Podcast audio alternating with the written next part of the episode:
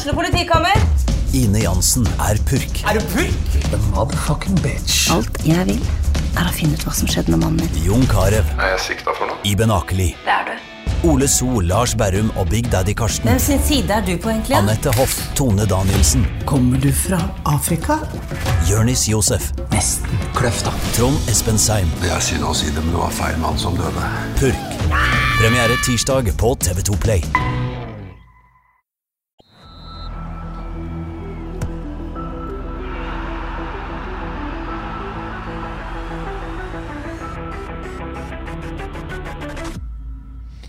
Hei og velkommen til episode 41 av Frelst. Mitt navn er Terje Flateby. Odd Kåre Grøtland, velkommen. Tusen takk til deg. Jeg kan love deg, I denne episoden skal vi i hvert fall ikke snakke om engelsk fotball, selv om gjesten i dag sikkert har veldig veldig lyst til det. Vi, er, vi to er enige om at det, det temaet dropper vi. Helt greit. Det er å stoppe med i dag. Er det greit, Vidar Levensen? Ja, jeg, jeg følger med dere. Du følger med oss. Du skal få lov å snakke litt impo altså, imponerende Liverpool i helga. Og Ja, det- det for så vidt på onsdag òg.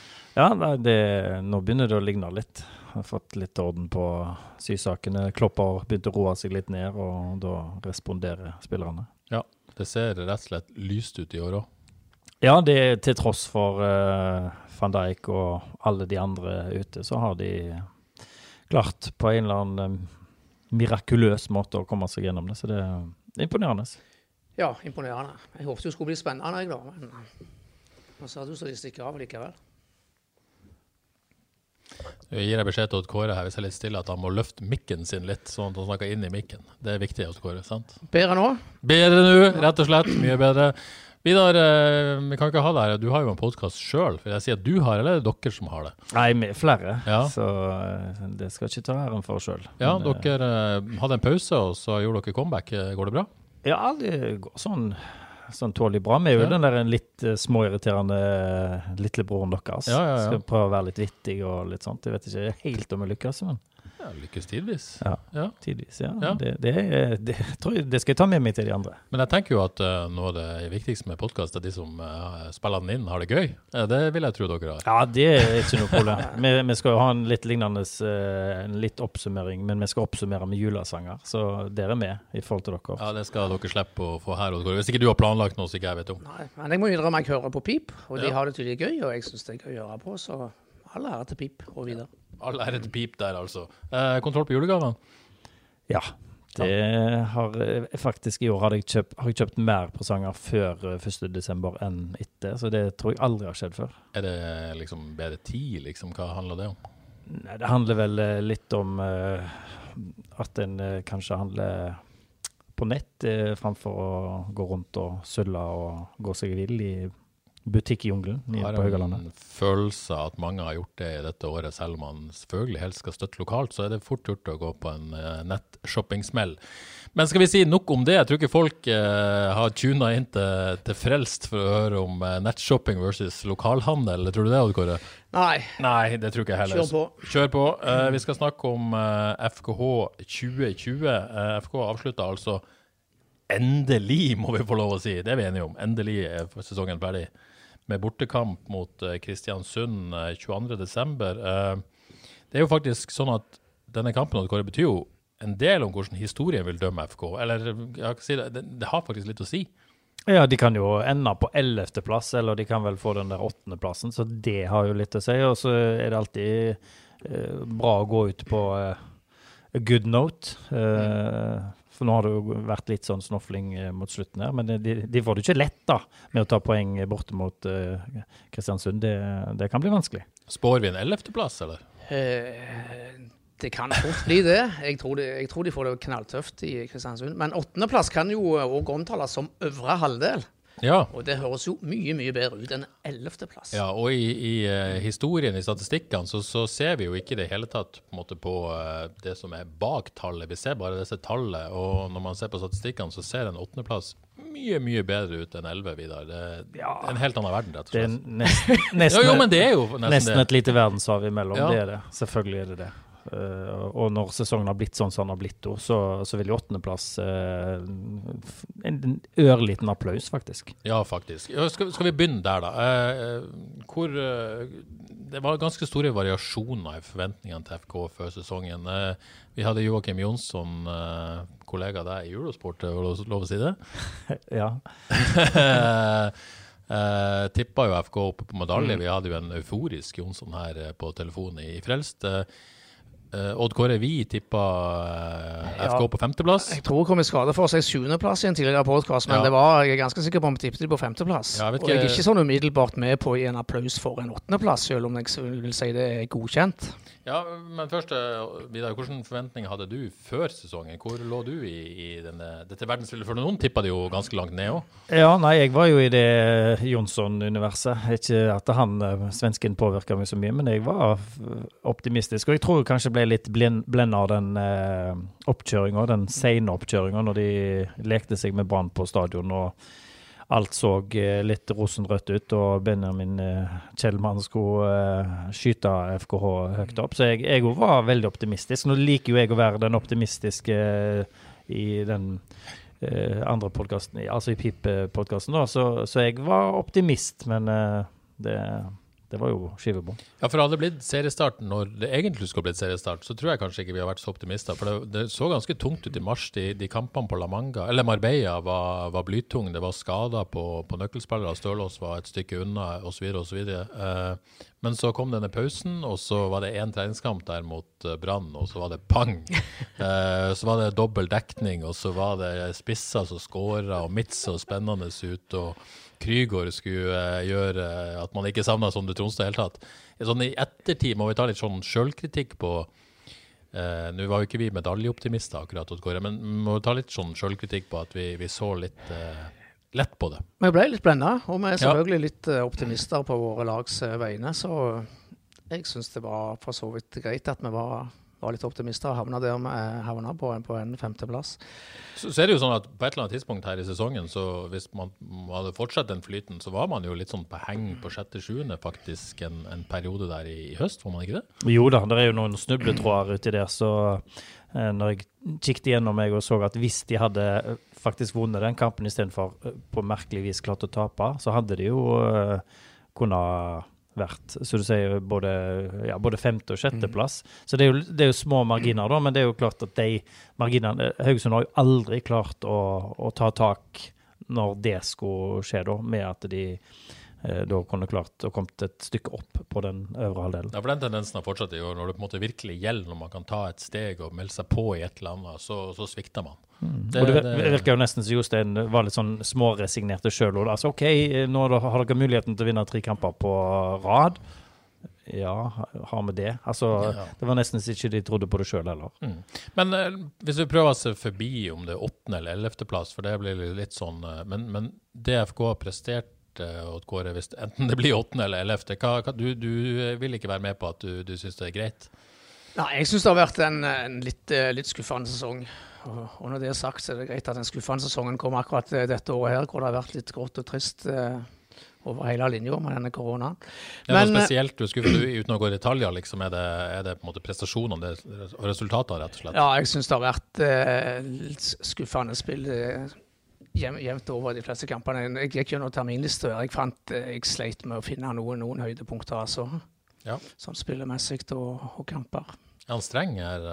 Ja, for det fins høydepunkt, men det, det er det at det, det der en slitta begrepet med hjelpeløs hjelper, den, det er liksom det overskygger egentlig de gode prestasjonene. For de har tross alt slått eh, eh, både Brann og Viking på bortebane. De har eh, slått uh, Vålerenga hjemme. De har Rosenborg Rosenborg slått. hjemme. Ja, så, så de har noen gode kamper og noen gode resultat, men så er det disse her hjelpe, håpløse kampene når de i Kristiansand og når de tapte hjemme mot Ålesund. Det sånn det ødelegger så mye for, for det positive.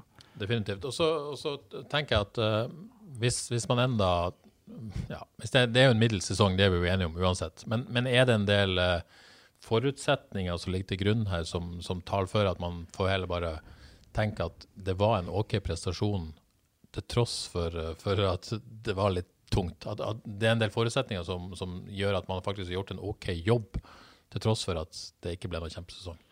Ja, Du kan jo bruke den eh, korona, eller koronaargumentet med, med at de var eh, noen uker der uten at de fikk trene. Nå ser vi jo på de lagene som faktisk eh, beholdt spillerne sine i systemet og holdt det gående, hvordan de har gjort det. Så, så en kan jo bruke det argumentet eh, på at eh, de allikevel har landa sånn delvis på, på beina. Men, eh, men altså, Odd Kåre arresterte meg litt på det med applaus. Jeg tenkte applaus åttendeplass hvis de klarer å lande der nå. Men hadde du sagt åttendeplass før sesongen, så hadde jeg jo vært skuffa, i går. For, for eh, eh, stallen og laget og toppene i laget er, er bedre enn uh, det de har fått ut i år, syns jeg.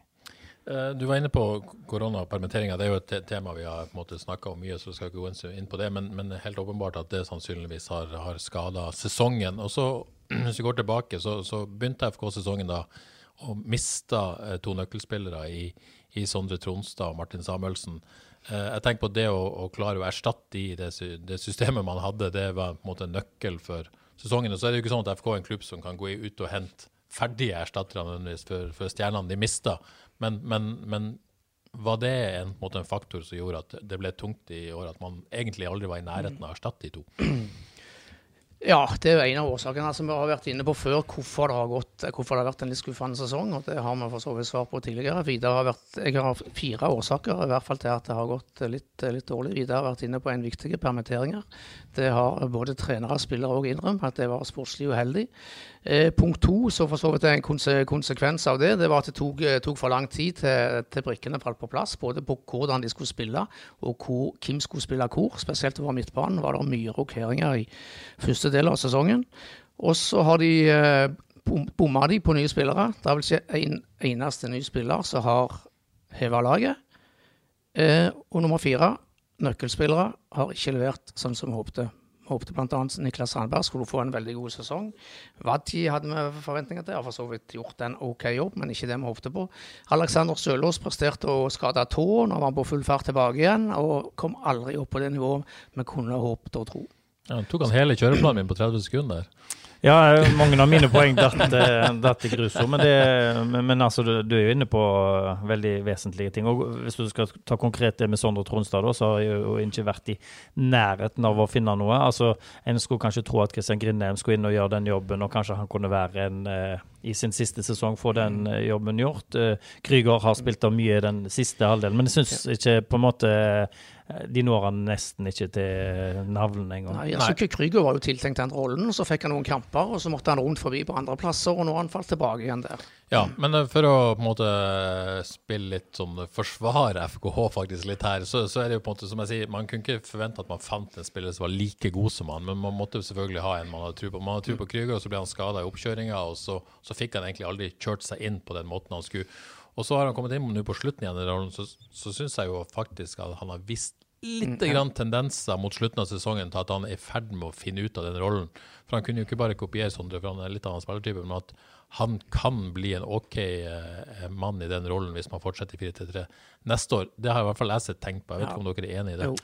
Jo da, og litt av problemet med det som Old Kåre var inne på, dette med formasjonsendringene har gått kanskje litt mye utover midtbanespillerne. For har de spilt 4-2-3-1, eller har de spilt 4-3-3 eller 4-4-2, så, så har de har aldri klart det helt å så satt de eh, ja, finne de der en, eh, sammenkoblingene som har sittet som et skudd. Det har mangla. Og det var kanskje Kanskje en ble med Tronstad de siste åra, at en ble så bortskjemt. Joakim Våge Nilsen leverte jo godt og, den ene sesongen. At det, de har på en måte ikke helt eh, truffet der. Og, og det kom jo veldig godt ut i i eh, poengligaen for midtbanespillere. Det tok jo vinter og vår før, før de klarte å levere noe der. Og det må midtbanespillere gjøre i et eh, fotballag. En kan ikke bare stole på at en har eh, en, eh, en duo eller en trio framme som gjør det. Nei, for dette var jo problemstillingen lenge. En ting eh, var jo at eh, Forsvaret ikke leverte i det hele tatt. Nå tror jeg jeg har en unnskyldning til Ulrik Fredriksen, for vi sa på et tidspunkt at Forsvaret ikke hadde skåra etter at han hadde skåra, så beklager Ulrik. Men, eh, men, eh, men midtbanen har jo vært en katastrofe i, i, i den, det feltet. Det kom vel en eh, assist fra Leite her bort mot Viking. Det var vel faktisk første assisten, eh, eller målpoenget fra en midtbanespiller i 2020, og det er jo helt utrolig. Eh, at man går så langt. Og det, det var jo vel i oktober, var det ikke det? Jo.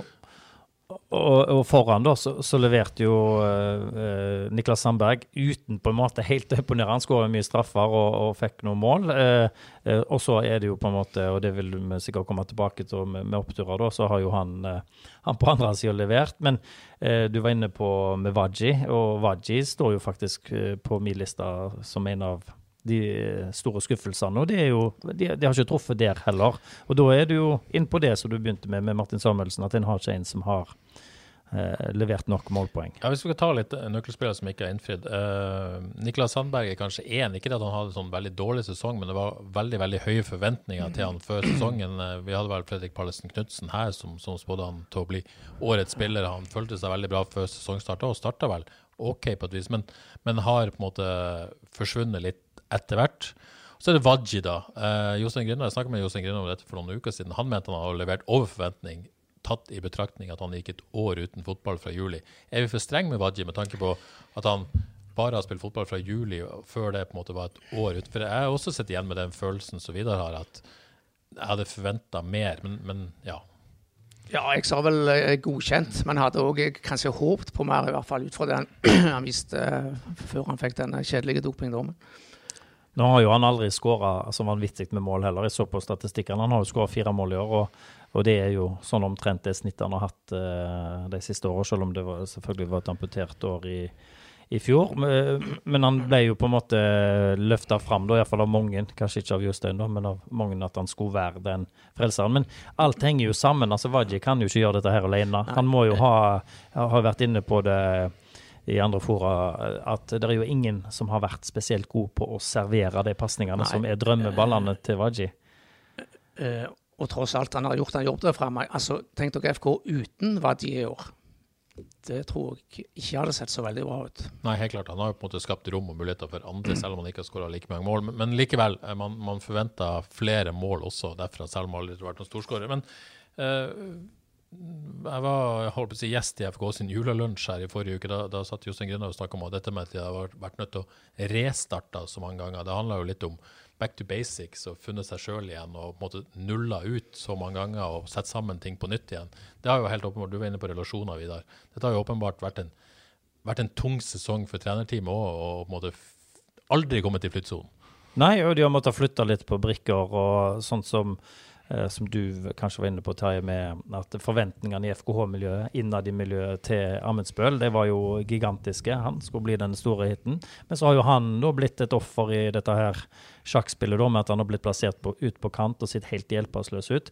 Du sier eh, Kam ikke hadde spilt. Kanskje han kunne ha spilt Amundspøl mer som spiss, og han hadde levert mer. Han har, han har faktisk skåret like mange mål som Waji i år, eh, dansken. Og jeg, jeg skal ikke forsvare han, for jeg syns han har levert ganske labert, han nå, men han har til hans forsvar han har blitt plassert på plasser der han sikkert knapt har spilt. Altså, Amelsbøl kom til Haugesund nesten uten å ha spilt en seniorkamp i, i Danmark. Og så må han ut på egentlig, egentlig spiss om ut på kant, som du sier. Så jeg òg forsvarer han litt. Grann. Syns, jeg syns det er litt grann igjen, men han har, ikke, har ikke levert.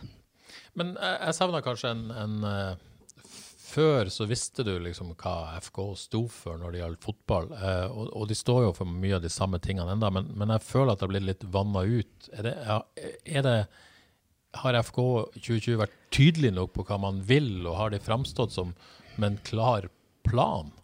Ja, altså Jeg ser jo på Jostein som en klassisk 4-4-2-trener, hvis at en skal la eh, de formasjonene styre det. da. Og om det da er Sebastian som har kommet inn med sin påvirkning, og at de har på en måte og selvfølgelig spillermateriale, så har det blitt en miks. Og de har vel, jeg tror vel aldri Haugesund har bytta så mye formasjoner og, så, og såpass mye endringer, selv om det kanskje ikke er eh, har så veldig mye å si, så er jeg enig med deg at det, det ligner jo ikke mye på den Iallfall hvis du ser tilbake på forrige Grindhaug-periode, f.eks. Det er det jeg syns husker Jostein sa før sesongen. det var at man, måtte, Selv om man gjerne fortsatte i 4-3-3, så ønsker man å bli å si, mer FKH i 4-3-3. Mer gjennombruddssissig, mer tydelig, mer bakrom, mer, eh, altså enda mer direkte, kanskje. Eh, har, man, måtte, har, du sett det i, i år, Odd Kåre? Uh, nei, lite. Vi håpet jo vi skulle få det mer med, med Wadji, men de har, de har, ikke klart å bruke den riktig, som vi har vært inne på. Så uh, har, har sett litt for lite av det. Ja, vi, ja. og, og, det kan jo være at det er de andre lagene som har på en måte skjønt uh, hvordan Haugesund er, og de har på en måte sitt uh, hypen med at Wadji er tilbake, og så har de kanskje klart å kledde, kledde av eh, FKH det, men, men jeg, jeg tror eh, at medspillerne heller ikke har klart å gjøre det Spille de geniale ballene som hadde latt uh, Waji bli uh, en uh, At han har fått kommet til flere sjanser og skåret flere mål. Og Du var inne på det, rekrutteringa. Uh, vi har jo vært inne på det før. og altså, Er vi enige om at FK ikke henta én en eneste spiller før 2020-sesongen som har gått inn i en toppa elver, uh, sånn som det har vært? Uh, er det på en måte er vi egentlig en, Sånn er det. Noen skal være, Ja, er altså, det mulig å være uenig i det? Terkelsen har imponert meg litt nå på slutten av Ja. Men eh, de som de henta i vinter, eh, må, må hjelpe meg litt her. Men det var Mitz, eh, Kjellmann, Veimola ble henta som konkurrent til Helge Sandvik. Uh, Ulrik Fredriksen har jo vært tidvis inne, men ikke følt at han var en del av en toppa elver. Eh, Nei, han er, han, han er jo ikke bedre enn uh, Pallesen Mats Berg Sande uh, var jo ikke ment som det heller, men, men ble ikke det heller. Sånn at uh, det er veldig Ja. Nei, det er vel nesten Amundsen som har spilt mest, uh, har kanskje mest minutter, eller det er han eller Fredriksen. Han Fredriksen, definitivt. Eh, så, så da er spørsmålet eh, Dette var jo helt sikkert ikke meninga. Man ønska jo at noen av disse skulle gå inn i laget. Eh, har rekrutteringa vært for dårlig? Ja, det har han jo helt klart. Ja. Uh, nå hadde vi forventninger til Benjamin Kjellmann, men han var jo, man må nesten få si, en liten katastrofe. Dessverre. Han var god i til- Ja, det, er det, det er det vi husker ham for. Ja. Han var jo god eh, i, eh, uten at jeg så for mange av de kampene, men eh, rapportene fra Viking, så var han jo ganske god på mm. høsten. Og, og, men kanskje han ble brukt på feil måte, han òg. Jeg, jeg vet ikke. Han, hvordan har det gått med han etterpå? Han skåra noen mål i Han Finland. skåra i hvert fall rimelig umiddelbart. Men eh, kanskje, altså Han så jo eh, så ut som han var på gang i vinter, da, på et eller annet vis. Så mm. kanskje han var en av de som ikke takla denne alenetreningsperioden spesielt godt. For han var ikke var lov å si han var litt tung når han kom tilbake Mm. i steget. Det er vel lov å si. Ja, han så tung ut. Nå skåret han jo to mål, fine mål mot Brann, så da tok vi jo av hele gjengen. Jeg satt jo ja. her og sa før sesongstart at han kom til å skåre ti mål. Ja, det gjorde du. Én på terningen til meg. Der. du har ikke lovt noen tatoveringer eller noe sånt? At du må ta noe straff for det? Ja, men, men helt klart, det har vært, eh, vært et, et minus med sesongen. da, At man ikke klarte å hente inn en eneste spiller som faktisk gikk inn og forsterka. Uh, Det er et stort minusord når du da sier i sammensetningen at Tronstad og Samuelsen forsvant ut, så, så ja, så blir, er det jo nødt til å bli et, nesten et negativt resultat. Ja. Hvis vi skal plukke frem noen eh, høydepunkter i en litt tung og lang sesong, hva, hva er det dere husker best da fra 2020? Tenker du på kamper? Ja, Ja, whatever, hva, hva som helst. Altså, ja, som, som jeg sa tidligere, jeg måtte, nest, jeg måtte gå gjennom terminlista for å prøve å huske noen høydepunkter her, og de har vi vel nevnt. Det var hjemmeseirer mot uh, Rosenborg og Vålerenga, og borteseirer mot uh, Viking, og var det, var det Brann òg. Det er klart, det, det, det smaker jo godt, men altså, det er ingen av de kampene som står fram som noe sånn stort høydepunkt for meg denne sesongen. Nei, Det er jo ingen tvil om at Kristoffer Welde er høydepunktet sånn, eh, på alle måter. Han hadde, har hatt noen, eh, flott, noen av målene han skåret, var flotte. Han hadde et hat trick mot eh, Stabæk. Eh, ja, så, og Velde har levert eh, både på og utenfor banen. Så han har på en måte blitt den profilen som, eh, som klubben eh, har kunnet dyrke fram. Eh, og jeg syns jo at han har, eh, til tross for alt kjeftet han har fått fra, fra trenere og, og medspillere, så er han jo eh, Ja, han har vært veldig bra. Og, ja. Ja, jeg henger meg på det. Kristoffer Welde har definitivt vært det store lyspunktet og høydepunktet i årets FK-lag. Ja, ble vraka fra troppen i den nevnte treningskampen mot Brann, men eh, har slått hardt tilbake, rett og slett. Eh, ja, Vi skal snakke om 2021 senere, men eh, det blir veldig spennende å se om han er i dette FK-laget neste år.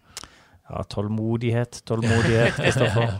Ja. Nei, alle ære rett, Kristoffer. Og så snakker vi jo mye om, om eh, det han har gjort, alltid involvert i mål og målpoeng og alt dette her, men, men du skal jo ikke glemme at han har blitt en, en mer komplett fotballspiller. Eh, voldsom eh, defensiv kapasitet eh, og gjør en veldig solid jobb bakover på banen, og synes jeg ha, ha, han har på virkelig tatt Ja, steg. han har tatt enorme steg denne sesongen, og det beste av alt, jeg føler han har enda mer inne. og Jeg tror bare vi har sett eh, begynnelsen på noe som kan bli ganske stort her, altså. Mm, de har uh, polert eh, diamanten bra. Og så har han fått kvitta seg med litt barnesykdommer defensivt. òg. Han hadde jo noen sånne tåpelige ballmiss som skulle gjøre det veldig vanskelig når han nærmer seg egen 16-meter. Eh, så det har han kvitta seg med. Og så Nei da, han, han har vært nesten i en egen liga eh, blant FK-spillerne. Men det er et par andre òg. Jeg syns eh, Helge Sandvik får jo ufortjent lite skryt. Han har eh, stått stødig. Han er kanskje ikke den der TV-redningskeeperen, da. Men han har ganske mange clean sheet i år og, og leverer jevnt og trutt og har på en måte Altså, du nevnte Veimola i stad. Det er jo ingen som har peiling på hvor god keeper han Tsjekkeren var, fordi at Sandvik har vært så suveren. Ja, Helge har gjort jobben. Eh, Benjamin Tidemann har jo vært eh, bra, men det visste vi på forhånd. Og han, eh, han kan jo røpe at han ser ut til å vinne spillerbørsen, da, så vidt foran, foran veldet. Ja, jeg kan jo si, jeg snakka med Benjamin tidligere i dag i, i forbindelse med den årets spillergreia. Han sier sjøl at uh, han føler han har hatt én dårlig kamp, og det var mot Godset nylig. Uh, da slakta han vel rimelig godt på børsen òg, men ellers så føler jeg at han har mer vært stabil i år og på en måte ikke unngått, unngått å ha disse dårlige kampene. At han kanskje hadde noen kamper som var bedre i 2019, men som stabilitetsmessig at han logger på et jevnt, høyt nivå og er ganske på en måte fornøyd med sin egen sesong. Det er vanskelig å være uenig med han i det, Vidar. Nei, og det fikk seg et mål på, på slutten av sesongen, så eh, kanskje han burde ha skåra mer mål. Det, det, er på en måte ankepunktet når en så god hodespiller er oppe på så mange dødballer. Men defensivt så er han, han er på en måte litt limet i den fireren bak. Det har jo vært litt utskiftninger, og det har ikke vært helt jevnt der, men uh, Tidemann spiller alltid. Og han har jo fått kapteinspinn og, og gått fram og vært uh, sjef, så jeg syns òg han har kan være fornøyd med, med sesongen. Sammen med Jeg, jeg jo, har en soft, soft spot på Mikkel Desler òg. Det er mange som kritiserer han for for lite målgivende og alt sånt, men han er jo en underholdende, offensiv eh, back, og han har faktisk fått en del eh, målgivende eh, til slutt i år òg. Så, så, de to danskene der har Altså, deres positivitet kanskje kan gjøre meg unna hvor misfornøyd vi er med de andre danskene som kom. Helt klart. Jeg har lyst til å nevne én slags høydepunkt til, det, selv om det ikke ble seier. Dette comebacket mot Odd der man faktisk lå under med tre mål tre minutter før slutt, var det vel, og så kom det et selvmål og, og to kjappe fra, fra Mitz og Kone, var det vel. Det var jo i hvert fall ja, det var noe snev av gøy underholdning og action og som, som, vi ikke så så mye av i, i, i 2020. Nei, Det er jo kanskje den mest underholdende kampen sånn sett, da, eh, fordi at det ble som, eh, som det ble. Men det, der så det jo helt uh, det så ut som nått og grått. Altså de, når de lå under med 4-1 der, så, så, tenkte en at eh, OK, det, sånn er denne sesongen. Så da fikk de en liten opptur. Men de, de klarte jo kanskje ikke å, å, forvalte den oppturen så veldig mye videre likevel. Men det som jeg syns er litt bra, og kanskje et lite høydepunkt for meg, det var at når de var på full fart ned i, i bunnstriden der, og så lå litt uh, veldig uh, akutt til der, så klarte de å snu det. Ja. Fikk en god periode der, og Jostein og gjengen klarte å løfte dette. Det, det ser jeg tilbake på med glede. Uh, før vi gir oss med 2020, uh, noen flere som, som skuffa dere litt i 2020 ut fra enkeltspillere? Det, det, er jo som, som, som Tidemann sa til meg i dag, det, det, er jo vanskelig å prestere som enkeltspiller i et lag som ikke alltid fungerer. Så, så, de fleste skal jo sånn sett unnskyldes, men, men er det noen som man hadde forventa mer av i år? Det er litt, kanskje litt fælt å si det, men jeg er jo litt skuffa over uh, rolla til Kristian Grindheim denne her sesongen. Jeg hadde jo kanskje håpet at uh, at han eh, For han så en del av det i, i fjorårssesongen, og det kan kanskje ha noe med at han har blitt ofra for at slippe ungdommen fram. Men det er litt sånn, litt, sånn, litt trist så tid, da, at han ikke har fått uh, satt litt uh, mer preg på, på kampene. Og det er det har vært mye prat om Krüger, hvor han skal spille. Det, jeg, ikke, jeg følte ikke helt Haugesund klarte å finne den beste plassen til, til Christian heller, og det ble han kanskje litt sånn skadelidende òg. Og når han da ble bytta ut i Kristiansand i denne her uh, grusomme eh, kampen der uh, sør, så, ja, så ble jo resten av sesongen en, en, skuffelse. Så det, det, var litt dumt med, med Grindheim at ikke han At han fikk en, en bedre avslutning, da. Hvor har du dem på lista di? Eh, jeg har nevnt Benjamin Kjellmann allerede. Jeg tror jeg eh, holder fram han som den store skuffelsen. Det, det, er nesten litt vondt å si det, men jeg er litt usikker usikker om det er hans feil, eller om det bare er vi som ikke vet nok om, om ting. Men, men Alexander Stølås hadde jeg håpa på. Jeg, jeg, vil ikke si han har skuffa meg sånn sett, for han kom tilbake fra en fryktelig tung skade. Eh, men har, vi må jo få lov å si at han har ikke vært i nærheten av å være den spilleren han var når han fikk denne skaden, eh, som, som var jo selvsagt i sitt livsform da. Eh, så utrolig kjipt for Alex. Men, men vi har vel ikke sett noe som heller helt tyder på at han er på vei tilbake dit. Så spørsmålet om han kommer noen gang tilbake dit eller ikke. Om vi kan forvente det. Men Ja, jeg hadde håpet på mer. Jeg kan ikke si at om jeg går rundt og sier at jeg er skuffet eller han har gjort det dårligere, for han har jo på en måte levert stabilt greit etter hvert. Men ja, litt, litt sånn Ja, men- kjipt at han ikke ser ut til å kanskje, kanskje ikke bli den spilleren igjen. Nei, noen glimt av gammel storhet hadde jeg notert i, eh, bak Ja. Alexander. For han fikk noen målgivende der, men, men eh, han, den dødballsfoten hans er jo ikke det han var. Men nå var han jo eh, kanskje på sitt aller, aller beste når han ble skada. da, Ja, da gikk jo alt inn. Så, og det å få det tilbake, og så, så du var inne på, Terje, det med at han eh, dumma seg ut på dette her, eh, jeg håper si kjøpesenteret, men treningssenteret, eh, og ikke fikk innledning av sesongen med seg heller. Så, så det hjelper nok ikke på det. Eh, selv om han er den mest treningsvillige og sikkert den som trener mest, så er han jo ikke eh, pur ungdom lenger. Så kanskje ja, kanskje han eh, likevel, hvis det blir en sånn forholdsvis normal oppkjøring, at, eh, at eh, vi kan få iallfall noen knepp opp neste år. Ja, jeg syns det var kjekt å se han tilbake igjen, men han kom Det jo aldri der han vi håpte på. Men det, går- det går an å håpe på at han blir bedre neste år. Ja. Kjenner jeg han rett, så kommer han til å trene beinhardt i vinter. Til slutt, før vi gir oss med 2020, går det an å på en måte si noe om, om eh, trenerteamets eh, prestasjoner i 2020? Føler jo at Jostein Grunhaug har gjort en god jobb med dette mannskapet, med de forutsetningene han har hatt fra, fra de spillerne han har fått, som, som selvfølgelig ikke er hans ansvar å hente spillere, men han er jo en del av spillerlogistikken. Eh, og de, de kortene han har fått utdelt, har han brukt de godt? godt? Jeg har jo nevnt at det tok for lang tid å få brikkene på plass, og det har han for så vidt innrømt sjøl, så der tror jeg ikke han er fornøyd med seg, med seg sjøl heller. Eh, til gjengjeld så er jeg veldig fornøyd med at han klarte å snu den, eh, den litt veldig vonde trenden de var inne i eh, sånn midtveis i, eh, i høst, når de var på eh, full fart ned. Så godkjent.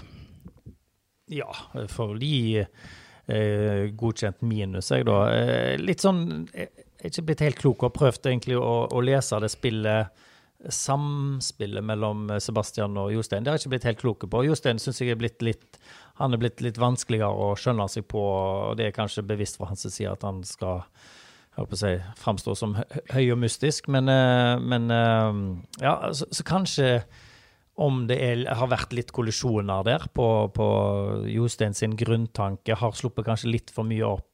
Kanskje eh, om han har sluppet Sebastian for mye inn, det blir jo helt Det blir bare enkle spekulasjoner. Men kanskje den miksen ikke har helt eh, truffet, og at det da har blitt litt Det er derfor de har famla bitte litt i, blinde. Jeg vet ikke. Det er en uh, syltynn teori, hører jeg sjøl når jeg sier det, men, uh, men uh, har iallfall sittet litt med den følelsen.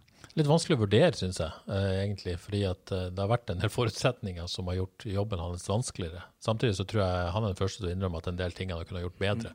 Så jeg er litt sånn middels der òg. Eh, ikke noe toppsesong, tror jeg, fra, fra trenerteamet, men heller vært en del ting som har vært vanskelig, rett og slett, som har gjort at det ble som det ble. Men igjen, jeg tror vi trenger en tydelighet og en mer retning i 2021. Jeg tror de har lært en del av denne sesongen. La oss håpe det. La oss håpe det. Um, en fin glidende overgang da, er dette spørsmålet fra, fra Espen Froestad, som spør om José Grindhaug. Uh, er Tottenham-supporter, uh, kjære Espen. Så der José Grindhaug bør han uh, flyttes opp i systemet i FK, og en SMS sendes til Sifuentes, spør Espen. Um, er vi der? Ja, altså, Litt tilbake til det med Jostein. Han han er ikke så lett å lese lenger. Jeg klarer liksom ikke helt å se at han har på en måte bretta opp armene og tenker at 2021, da skal vi gjøre det. Så Jeg er litt sånn usikker på hvor Jostein er sjøl òg, øh, kan tenke. Eh, angående han øh, så, så så jeg nettopp at det, det var en svensk klubb han var eh, aktuell for, men det ble for dyrt for Cifuentes. Han kommer med sitt hoff. Han, det kommer en hel gjeng. og Jeg tror ikke Haugesund verken har økonomi eller har plass til å ha en, en flokk rundt eh, han spanjolen. Selv om han, eh, det han har gjort i Sandefjord har vært eh, kanonbra, så, så tror jeg ikke at at det er han, Hvis at Jostein nå velger å, å tre til sides eller klatre opp i systemet, så tror jeg ikke det er der eh, heller Haugesund ser. Vil jo Kåre være en ekstrem stilendring med ja, faktisk ikke bare på høyde med Mark Dempsey, men, men, eh, men langt eh, over det òg. Å hente inn en, en spanjol med den type fotball og det hoffet og alt han har med seg, vil jo Ja, det går ikke sånn Ja, glatt jeg, inn i FN. Jeg er skeptisk til sånne drastiske forandringer. Og Men også- mener at han har gjort en kjempejobb i Sandefjord. Ja, herlighet. Fant og hadde vært veldig spennende. Og så har, har han jo en eh, veldig klar og definert uh, spillestil, så der er det på Han hadde nok ikke gått på akkord med seg sjøl. Da hadde det blitt sånn My Way og Ja. The Highway, er det det dette? Men jeg har jo sagt noen ganger at så lenge Jostein Grindhaug er toppmotivert for å trene FKH, så er, så er han rett mann og bør være der. Ja, så da er spørsmålet Så- så- er han toppmotivert. Ja. Det det? Så får vi høre mer. Ja. Så, så er det dette her, men det er jo en kunst for fotballtrenere å gi seg i tide. De har fleste har en tendens til å ta et år og to for mye. Men er det noen som tror altså, det er jo et, eh, Vi skal snart komme inn på litt kontrakter og spillere, men det er jo en hovedtrener i FK også som har en kontrakt som går ut etter 2021.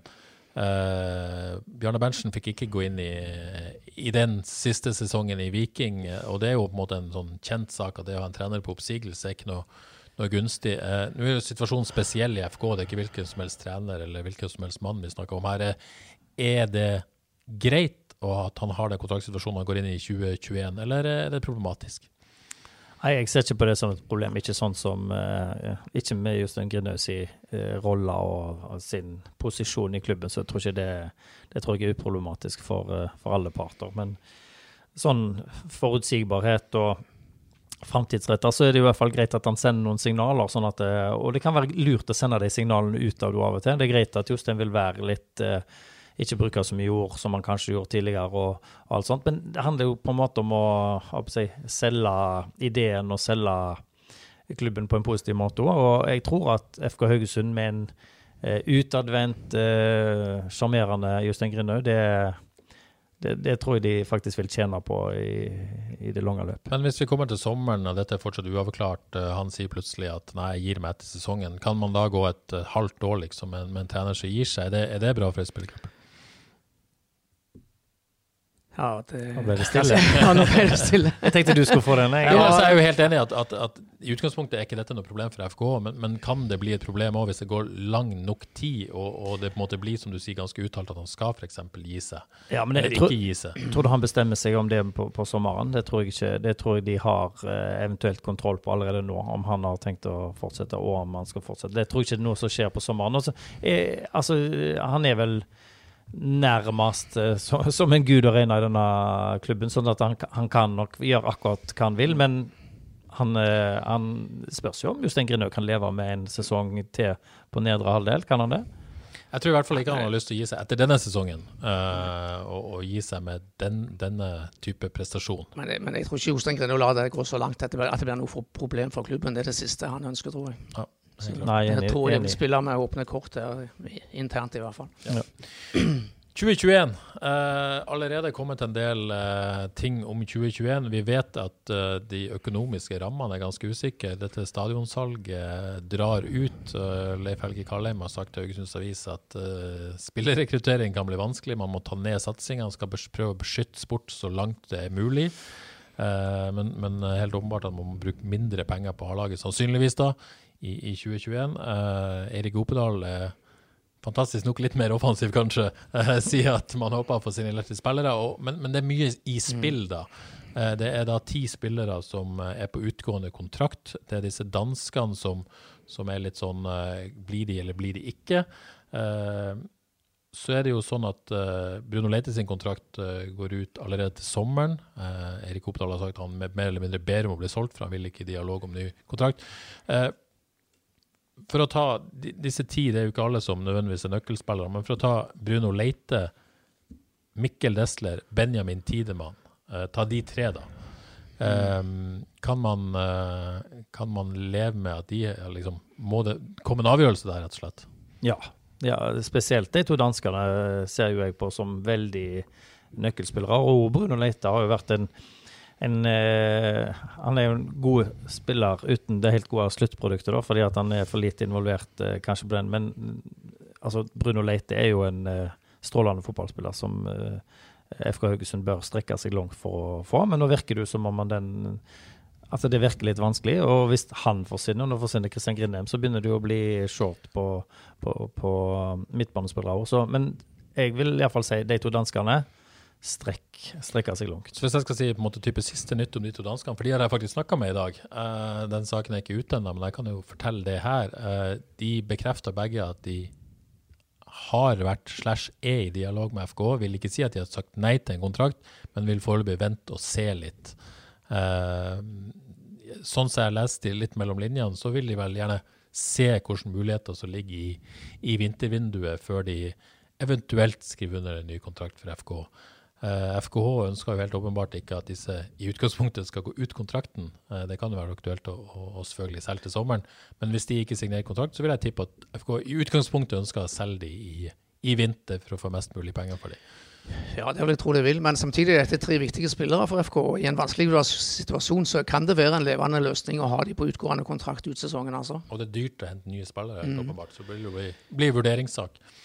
Ja, dette blir et uh, berømt sjakkspill, dette. Og det, en vet ikke En vet hva en har, og vet ikke hva en får. Og nå, hvis en ser på uh, de spillerne han henta inn foran årets sesong, så en kan ikke ha et sånt overgangsvindu Nei. igjen. Da blir det vondt. Ja, og de andre, de andre spillerne på utgående kontrakt er jo i tillegg til det, de tre, så er det jo Fredrik Ballesen Knutsen, som jeg også har snakka med i dag. Har ikke fått tilbud om ny kontrakt, men, men håper å få det. Uh, så er det jo Helge Sandvik, Frank Stople, Kristoffer Gunnarshaug, Joakim Våge Nilsen, Ibrahima Kone og, og Dennis Hornland, som også er under kontrakt med, med, FK. Jeg vil jo tro at sånn som økonomien og fotball-Europa er nå, og økonomien til FK, så, så, vil jo kanskje de andre drøye litt før de kanskje signerer ny. Uh, men det vil jo overraske meg om ikke Helge Sandvik kanskje forlenger allerede tidlig på året. Og Frank Stopple òg, for den saks skyld. Ja, de må jo bare kjøre Stopple som andrekeeper andre keeper nå. Han visste jo, han besto jo svenneprøven bra, han i Drammen, så så Det er jo ikke vits å reise til verken til Tsjekkia eller Ungarn eller der omkring for å hente en eh, reservekeeper som, som ikke er, Og Helge Sandvik har vist nå gjennom de siste sesongene at han er eliteseriekeeper uh, god som noen. Det er vel ikke der man uh, nødvendigvis bør bruke det lille kruttet man har? Nei, og det er jo de lokale spillerne, så de, de, er nødt til å holde en viss lokal profil. Og jeg tror jo ikke akkurat de er de, kanskje de vanskeligste i forhandlingene, eller uten å på en måte snakke snakker på vegne av dem, så tror jeg akkurat det skal gå greit. Joakim Våge Nilsen, eh, med hans eh, skadehistorie, så eh, får jo ikke han så mange andre tilbud, så da må en jo vurdere da, om at en skal ta sjansen å ha en spiller som, som en faktisk ikke vet hva en får. Det, det, vi skal ikke mer enn to sesonger tilbake, så spilte han vel nesten alt, og så har det Tipper de fort venter kanskje til sommeren, ser han hvordan skade ja. og, og prestasjonene er fram til da. Mm. Ja. Nøk nøkkelen nå blir jo bruke overgangsvinduet som kommer bedre enn de gjorde i fjor. Altså, De kan ikke hente seks-syv spillere som ikke styrker laget. Nå må de heller kanskje hente én eller to som virkelig styrker laget. Det er ingen som ser det, Odd Kåre. Det ble litt, uh, ble litt uh du, du folder hendene dine nå. nå ble, ja. er, er, du der? det er jo snart jul, ja, tross alt. Nå ber vi til høyere makter om forsterkninger.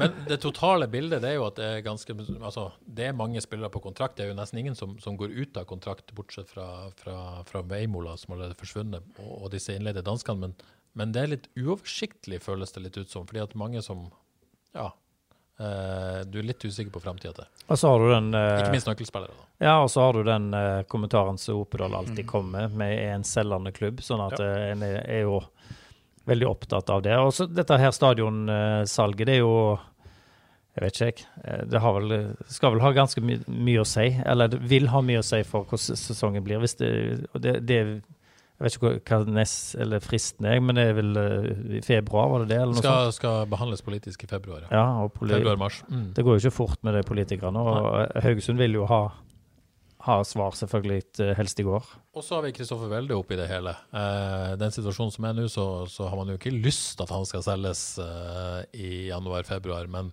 men, kanskje må man, eh, med tanke mm. på situasjonen som er. Det vil jo være synd men, ja, ja. Eh, men samtidig forståelse, og kanskje på, bra for Kristoffer. Kommer an på hvor mye penger du får for han. Jeg er redd for i markedet nå så får de ikke så mye penger. Uh, men det er klart at uh, kanskje 6-8 millioner mye mer verdt nå enn det ville vært for, for to år siden. Mm. Ja, det, det, er klart også, men sånn rent sportslig så vil det jo være Du vil jo tappe laget for uh, den største profilen og på, største poengplukkeren, så Men, men, men det er jo livet i fotballen, det at en eh, ikke klarer å holde på Altså, det er jo en positiv ting, det at de klarer å, å få solgt unna og, og, skapt talenter òg. Men jeg, jeg, håper jo eh, for både FKH og Kristoffer sin del at han spiller FKH en sesong til. Så er det disse, disse danskene, det er jo tre dansker der som uh, Oliver Klitten er på lån ut neste sesong. Sånn som jeg forstår det, så har FK en mulighet til å komme seg ut av den hvis eh, de ønsker det, eller begge parter sikkert. Eh, Petter Terkelsen er i utgangspunktet kun på lån ut denne sesongen, men der finnes det i hvert fall en opsjon på kjøp. Og så har du Mitz Amitsbøl som er vel på lån ut denne sesongen, men der finnes det også en, en opsjon for kjøp. Eh, hva tror dere skjer med den, denne trioen her, og håper dere skjer? Nei, Det enkleste saken her er jo uh, vår venn Oliver Klitten. Han eh, kan bare Ja. settes på Så hvis de kan komme seg ut av den, så ja. kom seg ut. Han, han har jo vist uh, Nå vet ikke jeg hva han har vist i, i treningshverdagen, men det han har vist på banen, det er jo ikke godt nok. Så jeg er enig med det som Odd Kåre var inne på tidligere. Terkelsen har sett bra ut. Han har vært uh, giftig. Vært den midtbanespilleren som har håper jeg, kommet seg inn Mm. i 16-meteren og skåra to fine mål. Uh, Amundspøl uh, han har jeg på en måte ikke lyst til å gi opp helt ennå.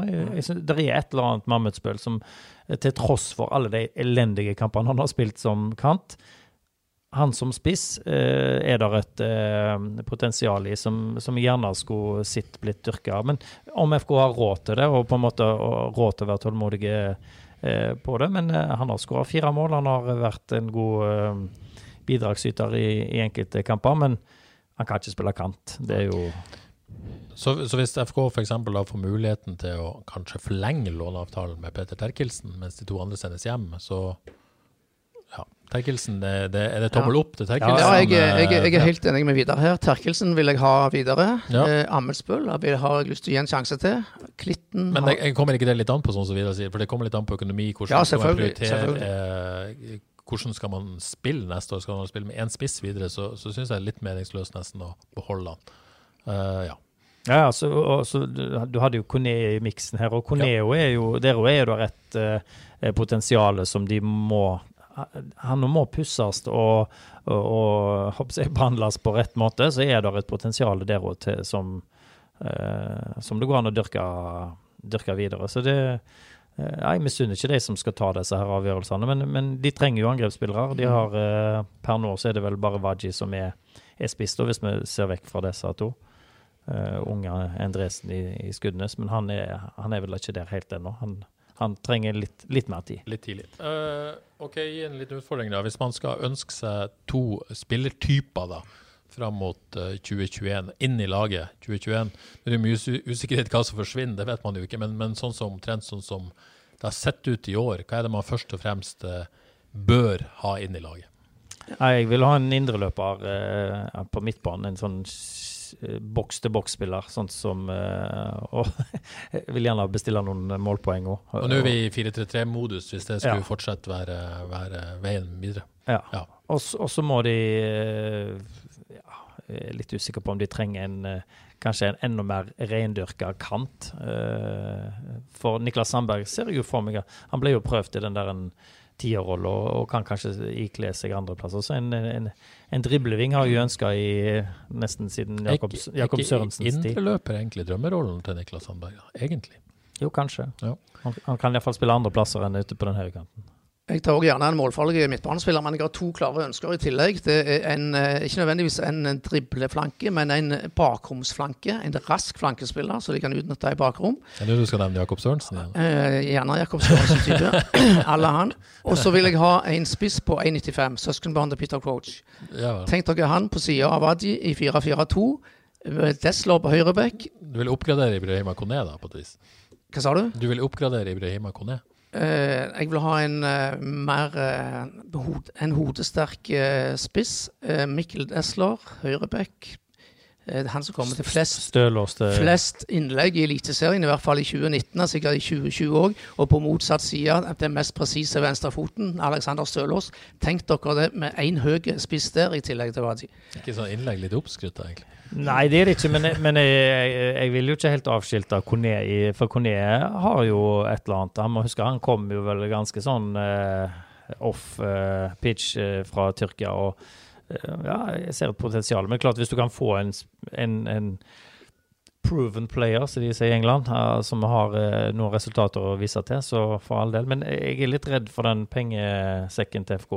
At den er, det er litt for lite klingende mynt. Helt klart. Eh, hvis jeg skulle si noe om dette, og det får jeg jo lov siden jeg styrer ordet her, så eh, vil jeg også Jeg har eh, to stikkord. Eh, altså jeg har målfallet midtbanespiller, og det kan kanskje være Peter Terkelsen som er den spilleren. Men det er helt klart at det er et kjempeminus i dagens mannskap at man Bruno Leite er fantastisk å se på, men han er fantastisk frustrerende så at han ikke klarer å putte en ball i mål eller gi den uh, dødelige pasninga. Tenk om han hadde hatt det. Da hadde han selvfølgelig ikke vært i FKH. Han må stå igjen på Haugebanen vet du, sammen med Kristoffer Weld og øve på Ja. avslutninger. Men, men da har han forsvunnet fort som fy, da, hvis han har levert målpoeng. Det ønsker jeg meg i FK. Og så Det kommer litt an på hvordan man vil sette opp laget og hvordan man type fotball man egentlig vil. Men en spiss, altså en mer proven goalscorer, rett og slett. For, det, for Baji har vist historisk at han er faktisk ingen målskårer. Eh, og da har man ikke noen målskårere i den stallen. Altså Ja. spisser. Bortsett fra Velde. Men de koster penger. Det det. ja, og det er jo det neste. Altså, Mm. Dette er de to tingene som koster mest Mm. i, eh, i fotball. En målfarlig midtbanespiller og en spiss som skårer mål.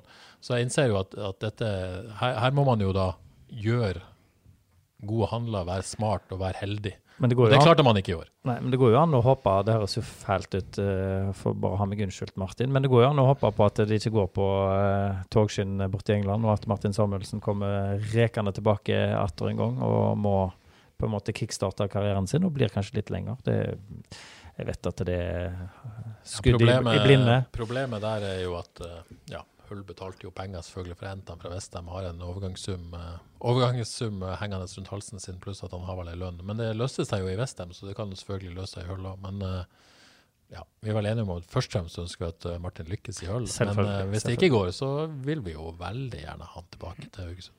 Det er det ingen tvil om. Når kommer han tilbake, han uh, Tussforbundet i Sverige? da? Skal ikke han avslutte Skal ikke han avslutte karrieren Søderlund eh, tok bronse i, uh, i hekken. Jeg, tror ikke han ser for seg 2021 på Haugesund stadion. Evig unge Søderlund. Han ble jo toppskårer i Hekken, så tok jeg eh, bronse i Allsvenskan. Ja, fantastisk. Men uh, nå har vi jo Sørlund skal komme hjem, PK skal ha lov å komme hjem på et eller annet tidspunkt om ti år. Nordtveit. Har i hvert fall sagt han skal Ja. komme hjem, men Det ble et uh, Oldboys-lag til slutt, da. Kanskje det, da. Nei, kan ikke det heller. Eh, er det flere som skal komme hjem? Nei, Jeg er hjemme, iallfall. Ulland, Utvik. Få de hjem. Jeg burde få de hjem. Det er jo kjempemye penger, vet du. Sigurd Haugen. Sigurd Haugen, ikke minst. Ikke minst. Eh, til slutt, kanskje, et lytterspørsmål fra Steinar. Er det noen lokale spillere da, i eh, kanskje lavere divisjoner som bør være aktuelle for FK? Skal vi til lavere divisjoner? Er det førstedivisjoner ned, da, eller? Ja, det må jo være det. Ja. Eh, Odd Kåre er det ikke til forkledelse for deg, Vidar, men det er kanskje Odd Kåre som har best kontroll på Jeg, jeg har et navn, da, men han kan få, han, det er jo han som er guruen her, så for all del. Jeg stiller meg bakerst i køen. Hvis du har ett navn, så Ja, kan du komme med ja. det først. Nei, men han eh, ble, det dumme med det er at han ble skada.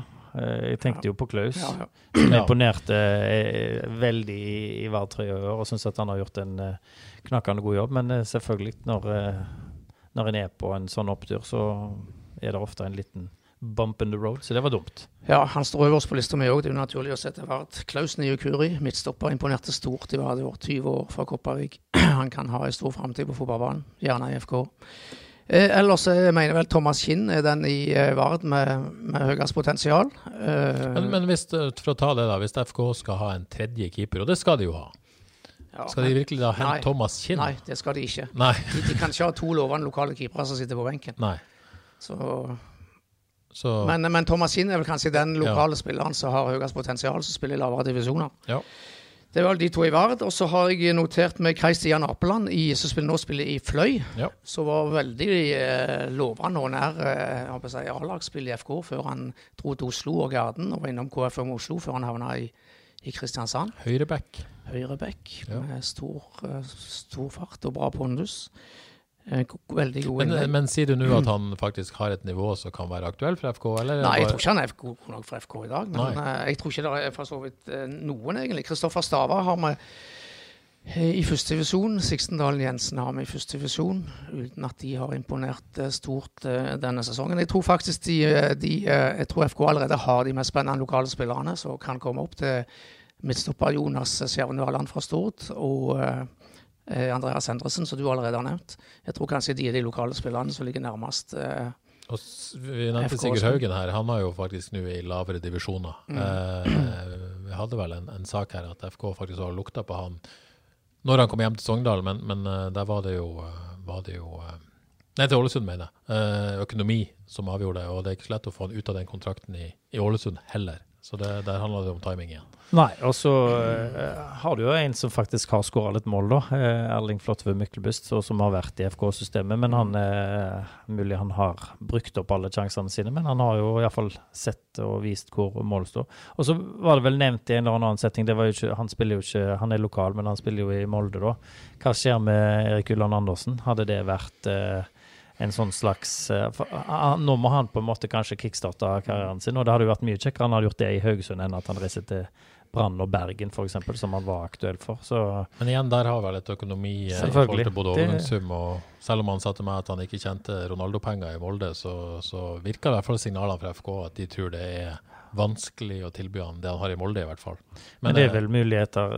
Kanskje det er noen utlåns... Kanskje en må se på at det går an å gå for noen utlånsavtaler i Norge òg. De, Ja. de er veldig flinke å låne spillere fra Danmark og andre land. Eh, Jeg vil jo tro at kanskje resultatet av den fotballøkonomien man ser nå, at man vil på en måte finne endre mer og kreative løsninger enn tidligere for å få ting til å gå, gå rundt, og at eh, klubber kan være villige til å ja. Han begynner å bli stor, den stallen til Molde òg, så, Den gjør det. så ja. Så, så er spørsmålet om, om, om han vil hjem eller ikke. Det er jo et annet spørsmål. OK, eh, da har vi babla om dette i 55 minutter. Eh, før vi gir oss noe vi har eh, glemt å si, som dere har lyst til å melde?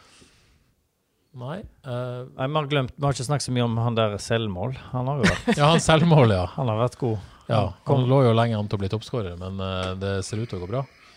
Ja, så det er litt dumt at de, de selvmålene kanskje ikke har eh, vært mer stong inn enn hva, enn hva det ble. Men det har vært artig, da. Men før sesongens siste kamp, hvilken følelse går man inn i denne pausen, og, og eh, vil på en måte det som skjer nå den neste måneden, avgjøre mye av optimismen foran 2021-sesongen?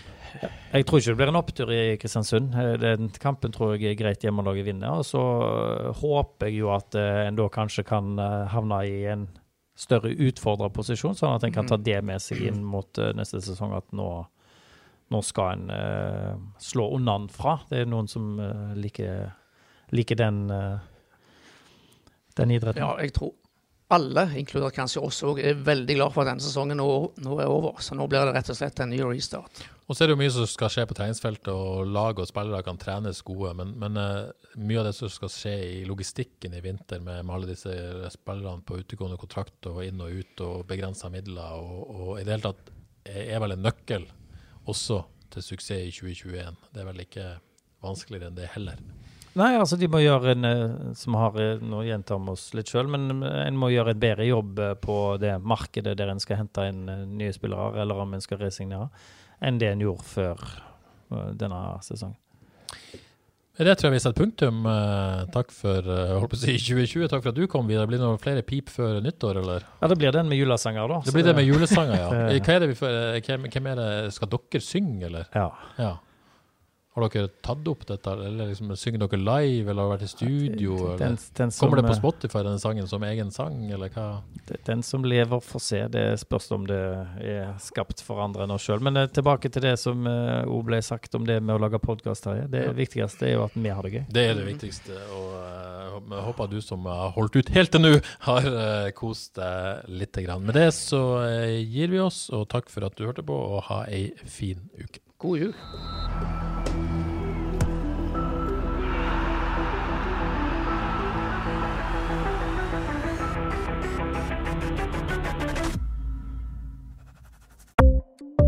Ukens annonsør er HelloFresh. HelloFresh er verdens ledende matkasseleverandør og kan være redningen i en travel hverdag.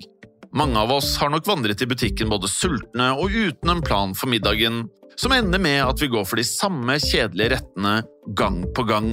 Middag burde være dagens høydepunkt. Som HelloFresh kan du nå velge mellom 25 ulike retter hver eneste uke, eller få HelloFresh til å sette sammen menyen for deg. Dette gir deg muligheten til å prøve nye og spennende retter alene eller sammen med familien. Du velger antall porsjoner og får alt levert på døren på et tidspunkt som passer for deg. Oppskriftene er enkle, og maten er lett å lage både for store og for små. Ved å få alt levert hjem får du også mer tid til å dele matgleden med familie og venner. Kanskje det frister med asiatiske tacos eller greskinspirert kylling?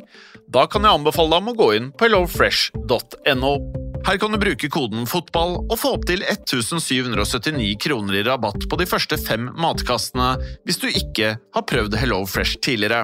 Du kan også bruke rabatten hvis du har vært kunde og stoppet abonnementet ditt for tolv måneder siden eller lengre.